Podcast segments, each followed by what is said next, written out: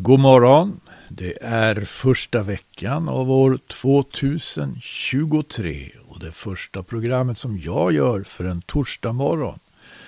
Det är torsdagen den 5 januari idag.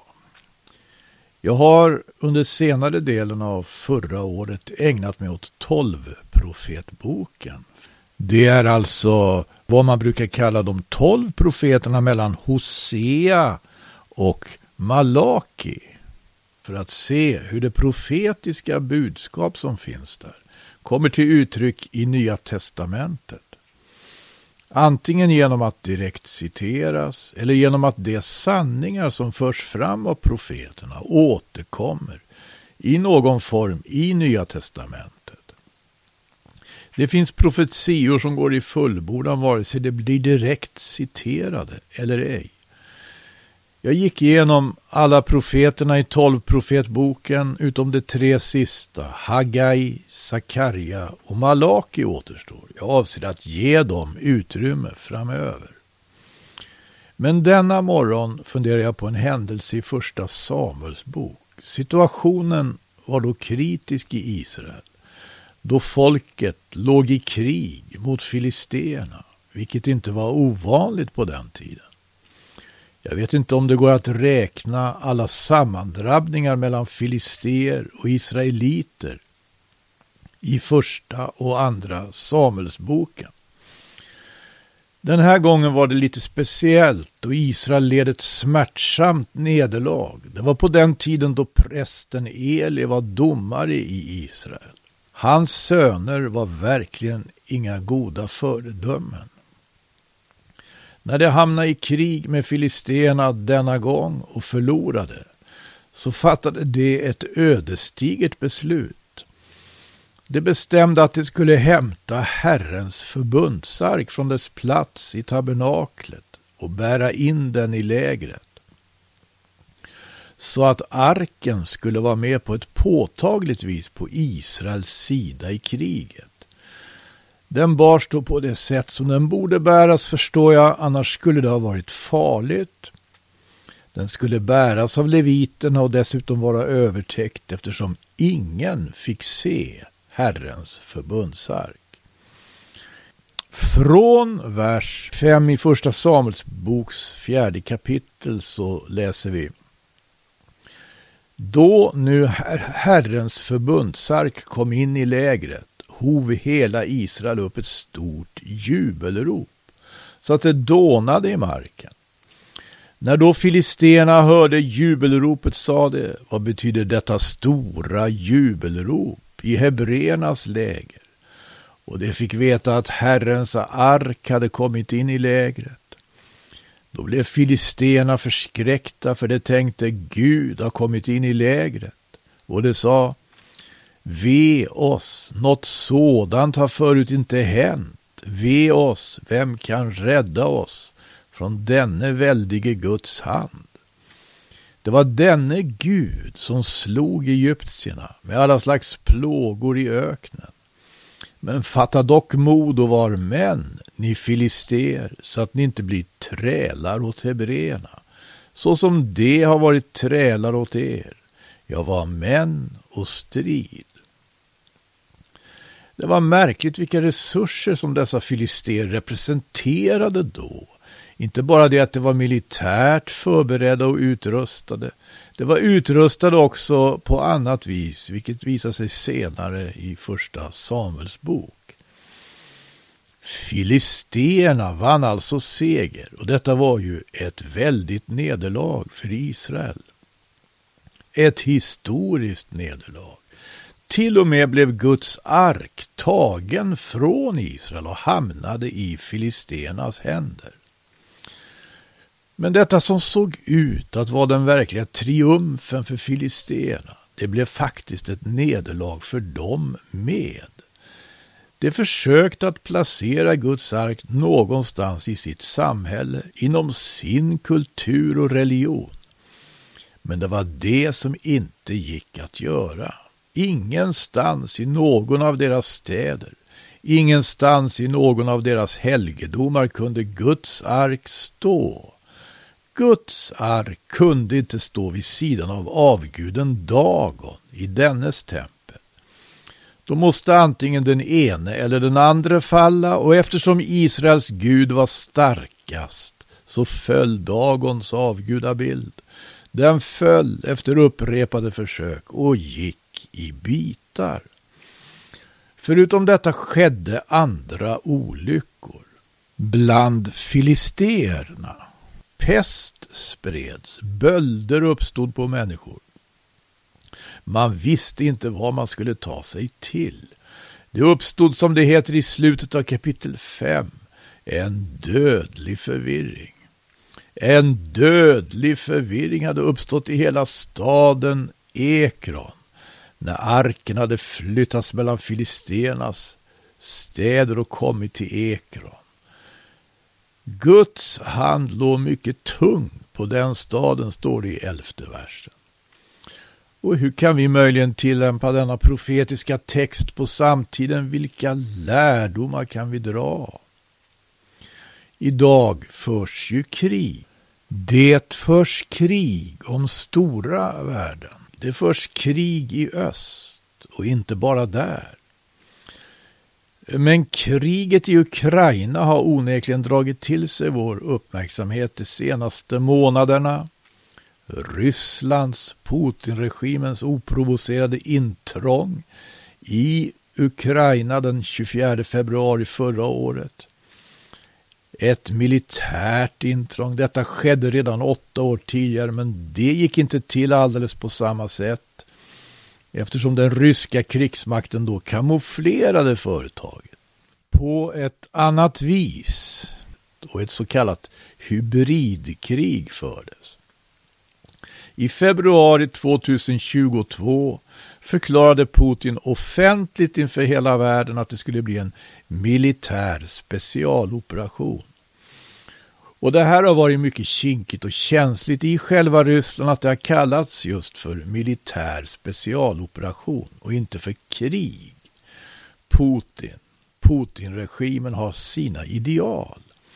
Man kanske rent av kan kalla dem för renhetsideal. De ivrar nämligen för traditionella värden, till exempel den traditionella familjen. Vid upprepade tillfällen har Putin sagt något om detta, till exempel i september då han till sin kritik av väst tillfogade detta. Vill vi verkligen att vi i detta land ska istället för mamma och pappa tala om för förälder 1, förälder 2 och förälder 3? Har ni då alldeles förlorat förståndet?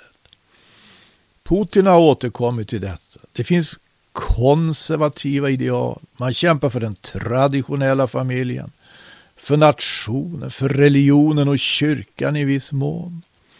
Men dessa ideal bärs upp av våld och brutalitet när vi ser eller hör om hur den ryska armén har härjat i Ukraina.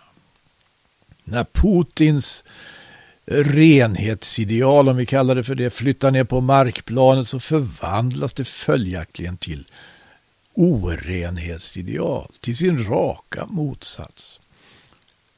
Eller vad finns det för idealiskt i våldtäkter? Vad finns det för idealiskt i tortyr? I övergrepp av den karaktär som har skett på ort efter ort i Ukraina? Det är ju något utstuderat ont vi bevittnar och det är verkligen bedrövligt. Men om vi försöker se det hela i ett historiskt perspektiv så har faktiskt väst drivit och driver numera en slags revolutionär linje. Frågan är som jag förstår denna. Så länge Sovjet existerade, där Ryssland var den största rådsrepubliken av de 15 Sovjetrepublikerna, så länge detta Sovjet existerade så drev ju västmakterna och inte minst USA en särskild politik.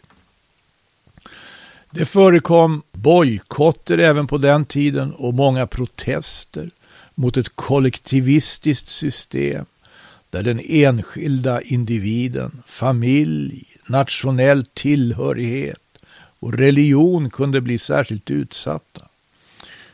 Bevis för det finns ju i många skildringar, otaliga skildringar av repression riktade mot enskilda individer. Till exempel för deras tro på Gud.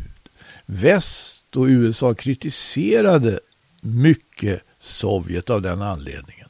Och det tycktes som om det höll fram traditionella och konservativa värden. Alla i väst var inte så entusiastiska över att stå bakom den kritiken, även om få kunde förneka att den var berättigad.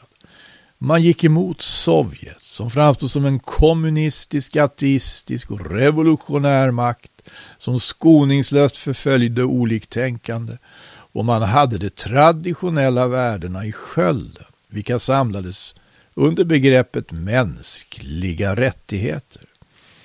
Denna kamp vann västmakterna.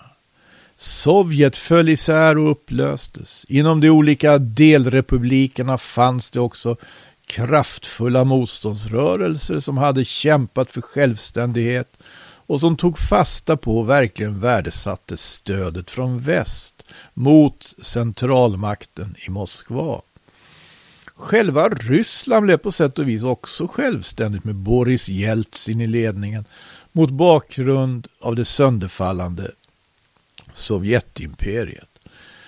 Väst hade på sätt och vis övertygat Sovjet om att den marxist-leninistiska vägen ledde fel och att det var tid att upprätta de traditionella värdena igen.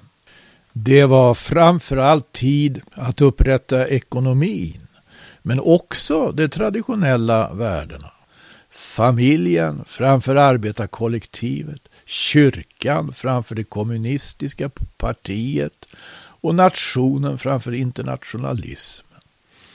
Det var vad man satsade på i Ryssland och i olika grad och på olika vis också i alla de tidigare Sovjetrepublikerna och naturligtvis också i de östeuropeiska satellitstaterna. I Ryssland fick den ortodoxa kyrkan igen många kyrkor och kloster som den kommunistiska regimen hade dragit in och gjort till museer eller förrådslokaler. Kyrkor började också restaureras och byggas upp. Detta blev Putins Ryssland, eller en sida av Putins Ryssland. Och nu visar det sig att väst kommer med en ny internationalism, globalismen och allt vad det innebär.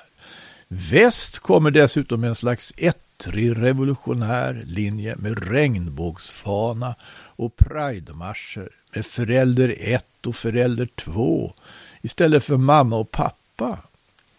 Och detta när Sovjet, det revolutionära Sovjet, har upplösts och Ryssland står där och är liksom redo att ompröva. Är det möjligen detta som har retat upp den gamle KGB-mannen Putin och hans anhängare och undersåtar? En del av förklaringen kanske. Vad har då Sverige spelat för roll i detta drama? Vad har Sverige stått för? Har inte Sverige varit en spjutspets i denna nämnda ettriga utveckling? I Maranataförsamlingarna i landet har vi kunnat följa det, hur lagarna förändrades från 80-tal och 90-tal och in på 2000-åren. Till dess av någon bizarr anledning under den borgerliga regeringen Reinfeldt förkroppsligas det allra mest stickande rödfärgade politiska drömmar. 2009 och 2010 skedde ödesdigra förändringar i svensk lagstiftning. Dels skrevs äktenskapsbalken om så att den även skulle omfatta enkönade par. Dels inskränktes rätten till hemundervisning och blev klart repressiv för i våra led, av vilka alltså jag är personligen bekant med många. Lagarna skrevs om eller förändrades på ett sätt som orsakade samvetskonflikter för de som håller skriftens vittnesbörd högt. Vad skriften säger om världens skapelse, om människans skapelse. Då det tydligt står till man och kvinna skapade Gud dem i Första Moseboks första kapitel och vers 27. Sverige är på det viset ett av de länder i väst som alltså står för en upplösning av traditionella värden. Av det som gjort att man kanske på något vis kan tala om att vårt land har varit präglat av kristendomen. Kristendomen har renhetsideal. Jag sa att Putin har renhetsideal. Men Putin-regimens renhetsideal bärs upp av våld och brutalitet. Kristus och apostlarnas renhetsideal bars upp av kärlek och barmhärtighet. Och detta har inte förändrats. Vilka är de ideal som håller och av vad bärs det upp? Jesus Kristus har också förutsagt att det ska komma en tid då kärleken hos de flesta ska kallna. Enligt Matteus evangelium kapitel 24 och vers 12. Här kanske vi ser något av den andliga striden i tillvaron. Här ser vi förhoppningsvis också behovet av bön.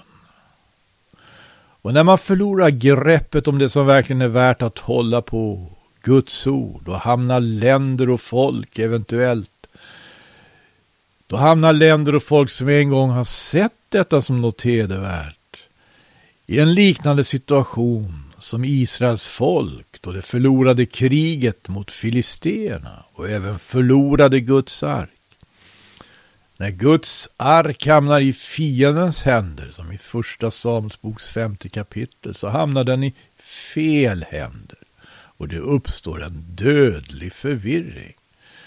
Men det blev ett vittnesbörd för filisterna om att något inte stod rätt till och de började söka lösningar och fann också det. Och det är vad jag menar när jag säger att eh, filisterna ägde resurser som man inte kunde vänta sig.